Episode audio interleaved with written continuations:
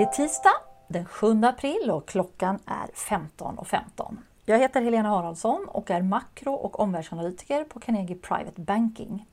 Och I dessa unika tider så ger vi dagliga kommentarer som når våra kunder vid 16 och en bredare publik vid 21. Jag ska prata om marknadsläget. Det är ett klart bättre börshumör nu. Stockholmsbörsen var upp över 4% igår och den är upp över 3% hittills idag. Jag kommer att avsluta med att blicka lite framåt och berätta vilka råd vi ger till kunder just nu. Marknadsläget, om vi börjar med makrosituationen, så är det tyvärr så att många siffror är inaktuella redan när de publiceras. Men det är en dyster bild vi ser. Det gigantiska varseltal som sprider sig från service som restaurang och hotell till industri och till konsulter. Det är alltså stort ras i ekonomisk aktivitet. Prognoserna de spretar både vad det gäller konjunktur och bolagsvinster, särskilt i konjunkturkänsliga sektorer. Det är alltså en stor osäkerhet, man kan nästan beskriva det vid en gissningslek. Sen är det klart att börsen blir glad om, om nästa år visar bättre aktivitet och tillväxt. Och så kan det säkert bli. Vi ser ju en ljusare virusbild och vi ser enorma stimulanser. Men det finns ändå en risk att nästa år blir svagt om hög arbetslöshet består och därmed då gör hushåll och företag fortsatt försiktiga och osäkra. När det gäller virusspridningen så ser vi mindre mörka nyheter. Jag tycker fokus nu skiftar från Europa, där vi nu tydligt i spridningsstatistiken ser en minskad ökningstakt i antalet virusfall. Och nu följer marknaderna om detsamma kan komma att ske i USA och Storbritannien och det ser så ut. Eh, I, redan i helgen så fick vi stabiliseringstecken på virusutvecklingen i New York som har varit en sån här hotspot som har oroat. Vi kan också se hur dödsfallen som vanligtvis släpar efter också blir färre dag för dag, åtminstone i några europeiska länder.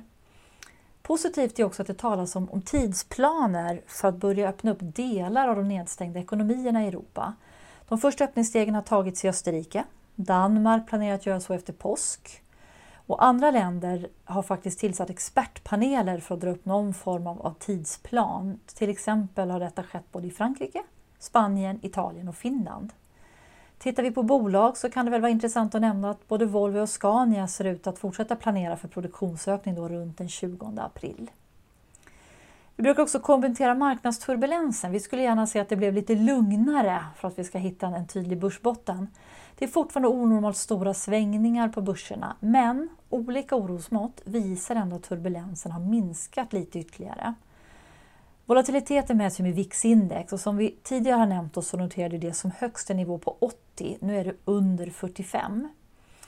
Det här är ju högt jämfört med en normal nivå runt eller under 20. Men börsbotten efter finanskrisen där mars 2009, den skedde faktiskt när VIX-index var runt 40. Vi har också sett hur kreditspreadar på räntemarknaden har krympt ihop något i april i takt med ökad riskaptit. Och det här följer då efter en enormt turbulent räntemarknad under mars månad. När vi pratar turbulens så tycker jag också det kan vara värt att nämna att raset i oljepriset är faktiskt inte bra för börs och konjunktur rent generellt initialt.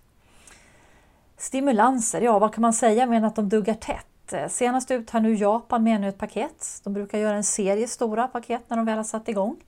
Och nu summerar stimulanserna till upp mot 20 procent av BNP, alltså en femtedel av ekonomin. Så stora är stimulanserna. I Tyskland så ser vi hur man gör mer mot mindre bolag och detsamma ser vi i USA. Mycket spännande att se vad EU enas om idag. Det spekuleras ju kring sjukvårdssatsningar men också lånegarantier och eventuellt jobbstöd. Blickar vi framåt så kan vi bara konstatera ändå att osäkerheten är stor på marknaden. Jag tycker det är tre huvudfrågor. Hur lång tid innan vi når någon form av normalitet i ekonomierna? Och I Kina såg det ut att ta 11 veckor från nedstängning. Den andra frågan är om det kan komma en, en andra virusvåg. Eh, Kina har visat nå lite sådana tecken. Vi såg också hur Japan var lugnt först men nu verkar det mer kritiskt i Tokyo. Och den tredje frågan då, hur bestående blir de ekonomiska skadorna? här är experterna oense för att det är en helt unik situation. Både pandemin men också nedstängningarna. Det som är tydligt däremot är att börsen gillar ju alla tecken som pekar på att ekonomierna kan öppnas upp. Och det här styrs ju då av virusspridningen som måste tackla av för att det ska kunna ske och därmed också då få en hanterbar belastning på sjukvården. Fokus nu som jag nämnde tycker jag är på USA och Asien snarare än Europa. Positivt också om vi får mer medieuppmärksamhet på länder som ökar testkapaciteten. Då kan man veta vilka som har haft corona och kanske då förhoppningsvis kan vara immuna. Det skulle också vara positivt om vi får se nyheter om befintliga läkemedel som godkänns och som alltså skulle kunna användas då för att bromsa eller minska allvarliga coronaproblem.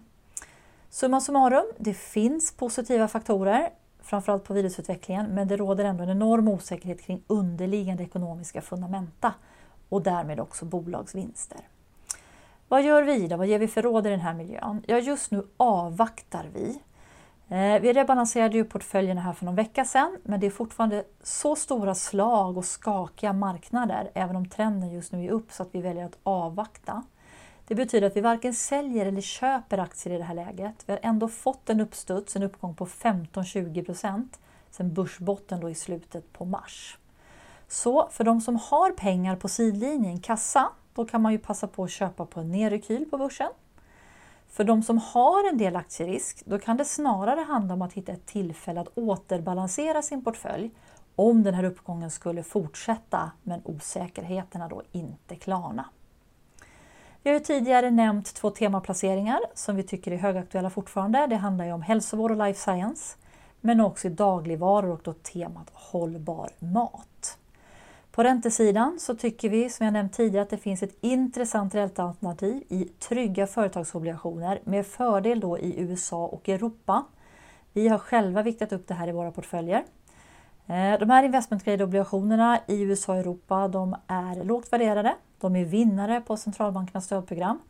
Det är också så att när bolag sänker aktieutdelningar så är det faktiskt bra för de här räntepapperna. Det är också så att de erbjuder attraktiv avkastning om vi nu får en miljö med lägre räntor under en ännu längre period. Det här var allt för idag. Tack så mycket!